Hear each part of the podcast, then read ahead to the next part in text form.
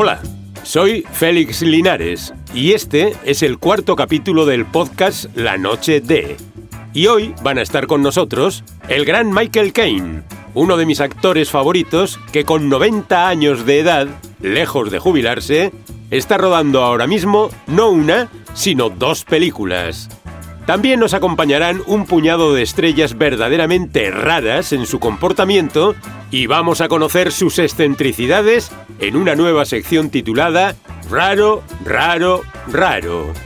Además, compartiremos con ustedes una lista que hemos elaborado con las cinco estrellas de cine que murieron de forma más placentera, haciendo lo que de verdad les gustaba.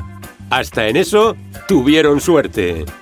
Pero vamos a comenzar con una de las actrices más taquilleras de la historia, Kate Winslet.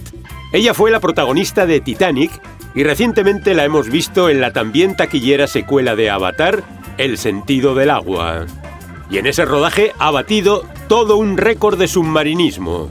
Hablamos ahora de sus pulmones, de sus ojos, de su rostro y de los secretos de su corazón en la radiografía de Kate Winslet.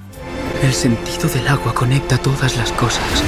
Los pulmones de Kate Winslet son de récord, porque esta famosísima actriz batió el récord de apnea entre las estrellas de Hollywood, aguantando la respiración bajo el agua más que ningún otro famoso. Lo hizo en el rodaje de Avatar 2, El sentido del agua. Y esta intrépida actriz, al preparar las escenas subacuáticas de Avatar 2, batió el récord de apnea que hasta ahora tenía Tom Cruise, que para una escena de Misión Imposible 5 aguantó bajo el agua sin respirar durante seis minutos y medio. Todo un tiempazo. Pero es que la actriz de Avatar ha pulverizado esa marca haciendo apnea durante 7 minutos y 14 segundos. 44 segundos más que Tom Cruise. Training. It's not something I could just jump in the bath and do right now. Dice Kate que su secreto ha sido entrenar, que no puede saltar al agua y hacerlo así, sin más. Sobre todo teniendo en cuenta que en el rodaje de Avatar 2 estaba a las órdenes del duro James Cameron, que ya la dirigió en Titanic. En aquel otro rodaje, el de Titanic, es donde Kate Winslet conoció a Leonardo DiCaprio cuando ambos eran dos jovenzuelos al comienzo de sus carreras. De ahí surgió un amor casi fraternal.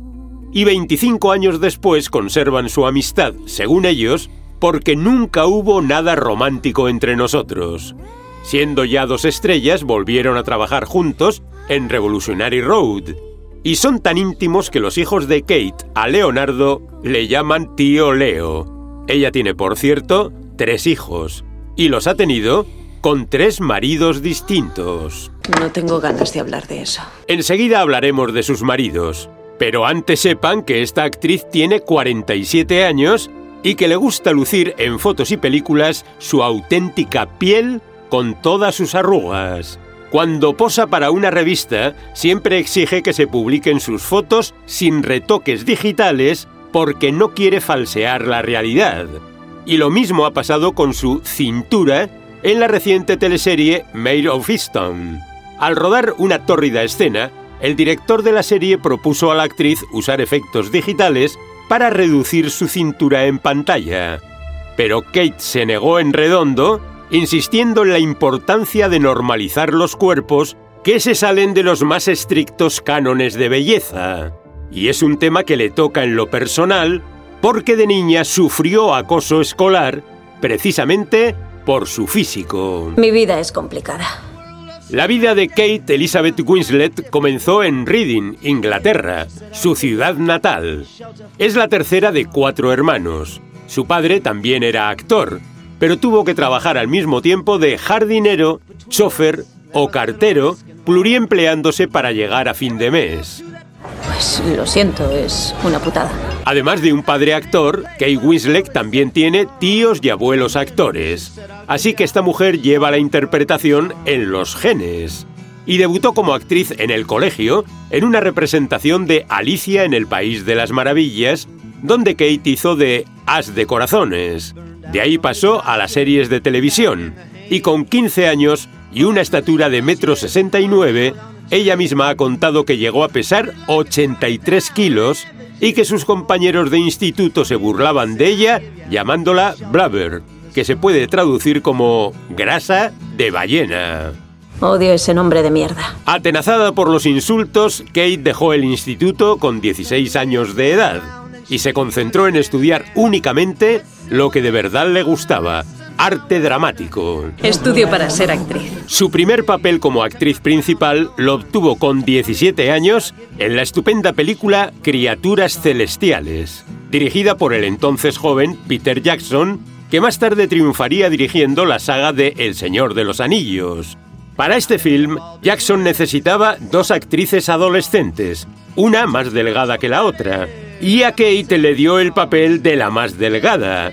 Así que la chica adelgazó 15 kilos para criaturas celestiales y perdió ese peso haciéndose vegetariana, cuidando mucho más lo que se llevaba al estómago. Y con su belleza natural de pelo rubio y brillantes ojos azules, la joven Kate rodó a continuación Sentido y Sensibilidad. Buenos días, Fanny. Logrando por este film la primera de sus siete nominaciones al Oscar. La segunda fue por la ya mencionada Titanic. Y seguro que al ver a Kate Winslet en esta película, las mismas personas que le llamaban grasa de ballena en el instituto se murieron de envidia hacia ella, deseando estar en su piel. And the Oscar goes to Kate Winslet.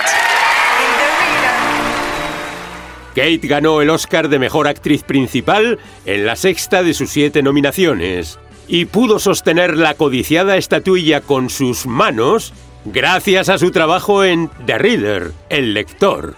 Pero sepamos ya quiénes han sido los tres maridos a los que esta actriz dio su mano. ¿Te, te has casado?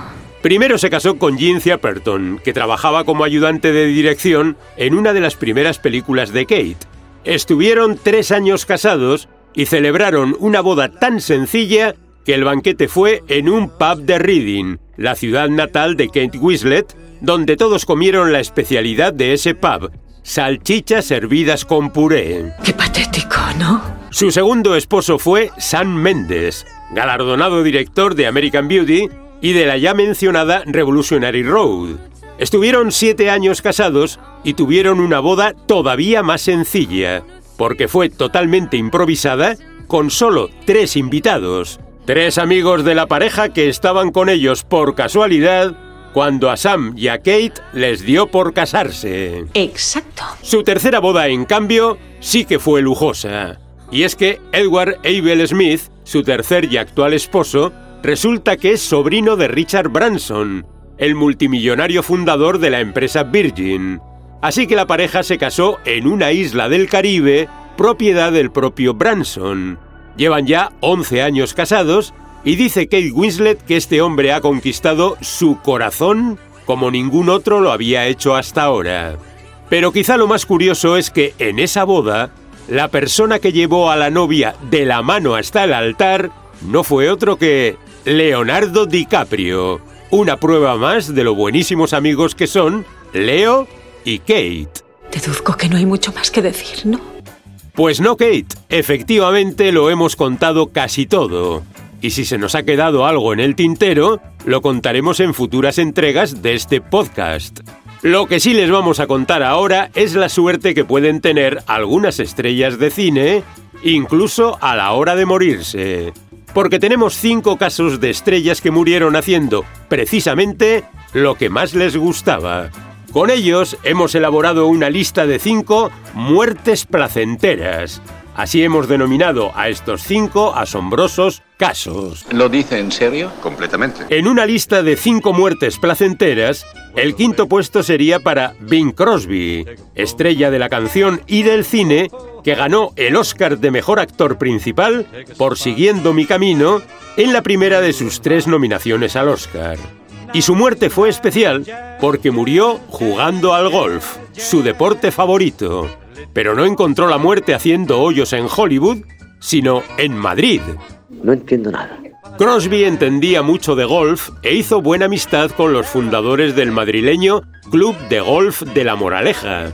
Murió en ese club, junto al hoyo 18, tras haber jugado cuatro largas horas con el ilustre golfista Manuel Piñero, que llegó a ser campeón de España de golf. Y el propio Piñero pudo escuchar las últimas palabras de Bing Crosby. El actor y cantante estadounidense dijo, Un gran partido, amigos y acto seguido cayó muerto sobre el césped. ¿Quieren saber qué le mató? Claro que quiero saberlo. De acuerdo, te lo diré. Fue un infarto de miocardio lo que acabó con su vida con 74 años de edad. Y si él era el quinto en la lista de muertes placenteras, el cuarto podría ser John Garfield, magnífico actor del Hollywood clásico, con dos nominaciones al Oscar y una muerte más dulce que muchas, porque murió haciendo el amor. ¿Tú me quieres? Sí. Garfield protagonizó con Lana Turner la versión en blanco y negro de El cartero siempre llama dos veces. Se casó muy pronto con una joven llamada Roberta Seidman. Tuvieron tres hijos y estuvieron 17 años casados hasta la muerte del actor. Pero no murió en su casa con su esposa, sino en el apartamento de su amante, una actriz llamada Iris Whitney que vivía en Nueva York. Se sabe que cenaron juntos en el restaurante neoyorquino La Chop y que juntos pasaron la noche. Y a la mañana siguiente, Iris descubrió que John Garfield estaba muerto en la cama. Le mató una trombosis coronaria desatada por lo visto por los intensos esfuerzos de una noche de pasión. Y fue un caso tan conocido que en la película Una proposición indecente, antes de acostarse con Demi Moore, Robert Redford debía firmar la cláusula John Garfield. ¿La cláusula John Garfield? Ah, esa es por si muere durante el acto. Es importante que un abogado cubra cualquier eventualidad. El tercer muerto placentero de nuestra lista es Steve Irwin, un famosísimo presentador de televisión australiano al que muchos llamaban el cazador de cocodrilos, que triunfó con programas de animales en los que a menudo parecía ponerse en peligro de muerte. Y la muerte fue lo que encontró el día en que murió buceando rodeado de animales. Nos encontramos aquí con el mundialmente famoso Dr. Beetle que es capaz de hablar con los animales. Vamos a acercarnos sigilosamente a intentar rescatar a este caimán desprevenido. El atrevido Irwin intervino en Dr. Dolittle 2, protagonizada por Eddie Murphy. Pero el rodaje que le costó la vida fue el de un documental sobre fauna submarina en aguas de su Australia natal, y es que Irwin se acercó demasiado a un pez raya que respondió instintivamente atacando con el aguijón de la cola, afilado como una sierra y dotado además de un potente veneno. El aguijón atravesó el traje de buceo, las costillas y los pulmones de Steve Irwin hasta inocularle el veneno directamente en el corazón. Y el cazador de cocodrilos tardó tan solo un minuto en morir. ¡Ahora! Irwin falleció con 44 años de edad, dejando a su esposa viuda con dos hijos. Pero hasta ellos reconocen, ahora que ya son mayores, que su padre murió haciendo exactamente lo que más le gustaba. Igual que el estupendo actor inglés Leonard Rossiter, del que puede decirse que tuvo una muerte muy teatral, porque murió en un teatro durante la representación de una obra que él mismo protagonizaba. Queen, bromeáis. Nunca hablé más en serio. Vimos a Rossiter en Barry Lyndon y en 2001 Una Odisea del Espacio.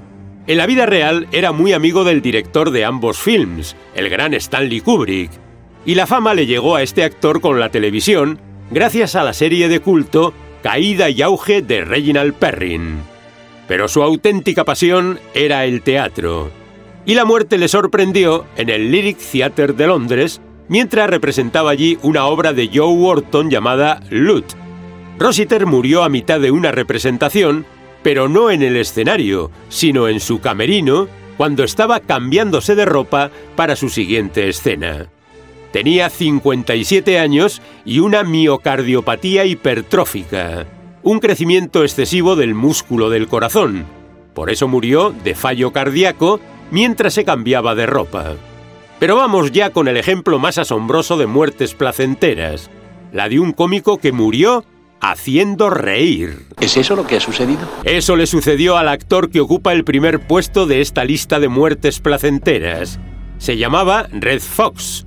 Fue una superestrella en Estados Unidos con telecomedias como Sanford e Hijo, y usaba siempre el chiste recurrente de fingir un ataque al corazón. Su personaje fingía esos ataques cuando algo no le gustaba para intentar salirse con la suya.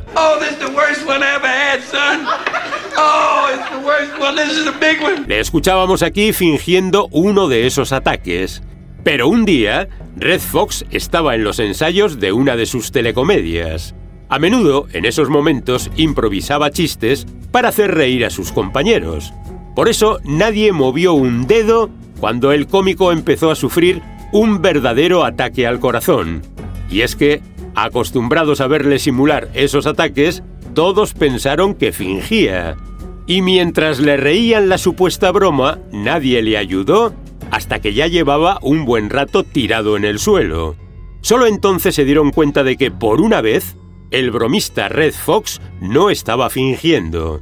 Tenía 68 años cuando murió, haciendo lo que más le gustaba, hacer reír a los demás. ¿Brindemos por ella? Yo invito. Brindamos ahora por uno de mis actores favoritos, Michael Caine, que con 90 años cumplidos este 2023 todavía sigue en plenas facultades rodando películas sin parar. Y eso que de joven estuvo a punto de morir no una, sino dos veces. Les contamos todos los detalles ahora mismo en la crónica de sucesos de Michael Caine. Eso ya es historia. Michael Caine fue un héroe de guerra en la vida real mucho antes de hacerse famoso. Hoy se le conoce por ser un grandísimo actor con dos Oscars de Hollywood de un total de seis nominaciones a estos premios pero en sus años mozos fue fusilero real en el ejército británico. Tenía entonces 19 años y sirvió con los fusileros en la Guerra de Corea entre los años 1952 y 1954. Y allí el joven Michael estuvo a punto de morir dos veces. Nuestras vidas a nadie le importan un bledo, excepto a nosotros. Nada más llegar a Corea, contrajo la malaria y esa enfermedad casi le mata. Y su segunda vez a las puertas de la muerte fue la noche en que su pelotón se vio rodeado por el enemigo en pleno combate. Lograron repeler ese ataque casi de milagro, pero a un precio muy alto, porque en todo su pelotón solo hubo cuatro supervivientes, entre los que estaba este soberbio actor inglés. Pregunta si son dioses. Dioses no, somos ingleses, que es casi lo mismo. El hombre que pudo reinar es una de sus grandes películas de juventud, junto con La huella, Asesino implacable, Un trabajo en Italia, Funeral en Berlín o la épica Zulu. Era entonces un atractivo galán de ojos azules, pelo rubio y metro 88 de estatura. Y el de Zulu fue su primer papel protagonista. Kane era uno de los 140 soldados británicos que se enfrentaban a 4.000 guerreros zulúes. ¡Que nadie se mueva! ¡Mantengan el fuego! Pero las nuevas generaciones le conocen, ya mayor, sobre todo por las películas de Christopher Nolan. Y es que Nolan y Kane son muy amigos, y por eso Michael Caine aparece en casi todas las películas de Nolan, incluidas la saga de Batman, El truco final, Origen, Interstellar o la reciente Tenet. ¿Puedo recomendarle un sastre? Descuide. Los británicos no tienen el monopolio del esnovismo. Bueno, el monopolio no. Más bien una participación mayoritaria. Este venerable actor británico tiene 90 años y no tiene ninguna intención de jubilarse. De hecho, está rodando en estos momentos dos nuevas películas y acaba de estrenar un épico film titulado Medieval. Pero todavía más épica ha sido su propia vida. Te doy mi palabra. Kane nació en la pobreza más absoluta. Vino al mundo en un suburbio de Londres llamado Rotherhithe, que en aquel momento era el barrio más pobre de la ciudad en la entonces degradada zona portuaria londinense. Y por línea paterna desciende de gitanos. El propio Michael lo contó en una entrevista, desvelando también que su padre cargaba en el puerto cajas y cajas de pescado cada madrugada. Su madre era criada en una mansión. Ganaban tan poco que el pequeño Morris Joseph Micklewhite ese es su verdadero nombre, tuvo que dejar los estudios siendo niño todavía. Y entre los curiosos empleos, con solo 14 años de edad, trabajó como portero en un burdel. Eh, sí. También fue ayudante del decorador de un teatro, y al descubrir el mundillo teatral, supo de inmediato que quería ser actor. Fue entonces cuando adoptó el nombre artístico de Michael Caine, inspirándose en una película muy de moda en aquel entonces, El motín del Caine con Humphrey Bogart.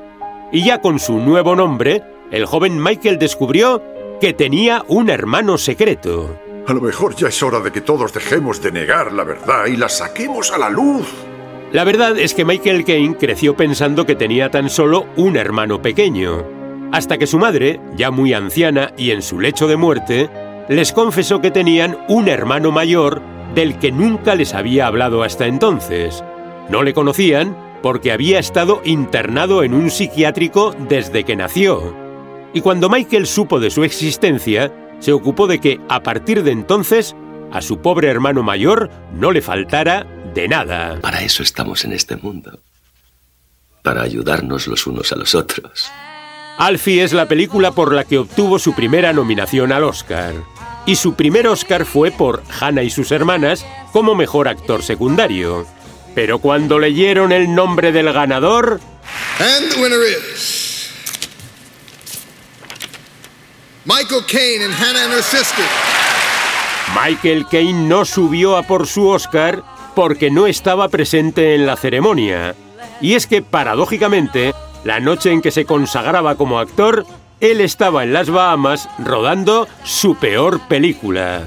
Nada menos que Tiburón, la venganza, un auténtico pestiño que Michael rodó exclusivamente por dinero y del que no se avergüenza defendiendo su participación en ese film con estas divertidas palabras. Nunca he visto la película, aunque todos dicen que es horrible. Pero sí he visto la casa que me compré con el dineral que me pagaron y es magnífica. Buenas noches, príncipes de Maine. Reyes de Nueva Inglaterra. Por las normas de la Casa de la Sidra ganó su segundo Oscar también como actor secundario. Y esta vez sí que pudo recogerlo en persona, con el auditorio entregado al ya entonces veterano Michael Caine. Y entre quienes aplaudían a rabiar esa noche estaba su esposa. Y hay que decir que Michael y señora llevan ya 50 años casados. Uno parte de la plena promiscuidad y termina como su abuelo, fiel a una sola mujer. Ciertamente Michael Caine fue de joven un incansable seductor antes de embarcarse en sus dos matrimonios. Su primera esposa fue la actriz Patricia Hines. Estuvieron cuatro años casados y tuvieron una hija. Y tras el divorcio, Michael se casó con la actriz y modelo Shakira Bax, británica originaria de Cachemira, entre la India y Pakistán. Con ella lleva 50 años casado y tienen otra hija, de modo que este actor tiene dos hijas en total.